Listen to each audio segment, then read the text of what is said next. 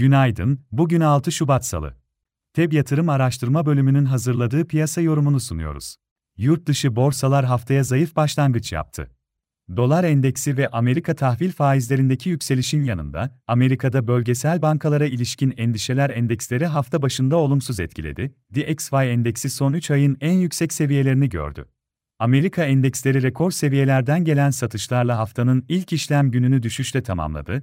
S&P 500 endeksi eksi %0.32, Nasdaq endeksi eksi %0.20 değer kaybetti.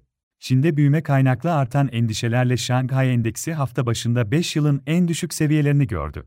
Bu sabah yurt dışı borsalar daha olumlu, endeksler güne toparlanma eğiliminde başlıyor. Çin yönetimi hisse senedi piyasasındaki düşüşün önüne geçmek için önlemlerini artırıyor. Çin Varlık Fonu hisse senedi yatırım fonlarında yatırımlarını artıracağını açıklaması sonrası Şanghay Endeksi toparlıyor.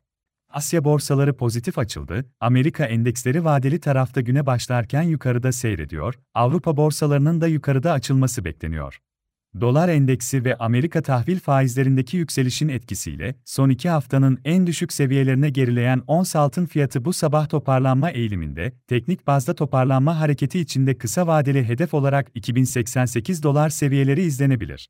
Amerika'da bugün haftalık Redbook perakende satışlar verisi açıklanacak, Euro bölgesinde perakende satışlar verisi bulunuyor. Türkiye tarafında ise bugün TCMB'nin aylık fiyat gelişmeleri ile ilgili değerlendirmesi takip edilecek. Bankalar dördüncü çeyrek bilançolarını açıklamayı sürdürüyor, bu akşam Vakıfbank'ın sonuçları bekleniyor. Borsa İstanbul'da ise yükseliş trendi sürüyor. BIST 100 endeksi haftaya Türk lirası bazlı yeni bir tarihi zirveyle başladı. Endeks günü %1.28 yükselişle 8777 seviyesinde tamamladı. Borsa İstanbul'da yaklaşık bir buçuk aydır etkili olan yükselen trendin kısa vade için korunmasını öngörüyoruz. Küresel piyasalarında etkisiyle Borsa İstanbul'un bugün de güne yukarıda başlamasını bekleriz.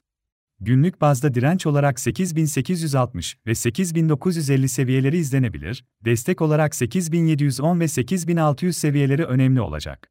Hisse tarafında ise teknik olarak BİM'de göstergeler olumlu tarafta, hissede son günlerde etkili olan düzeltme sonrası yeni bir yukarı momentum yakalanabilir.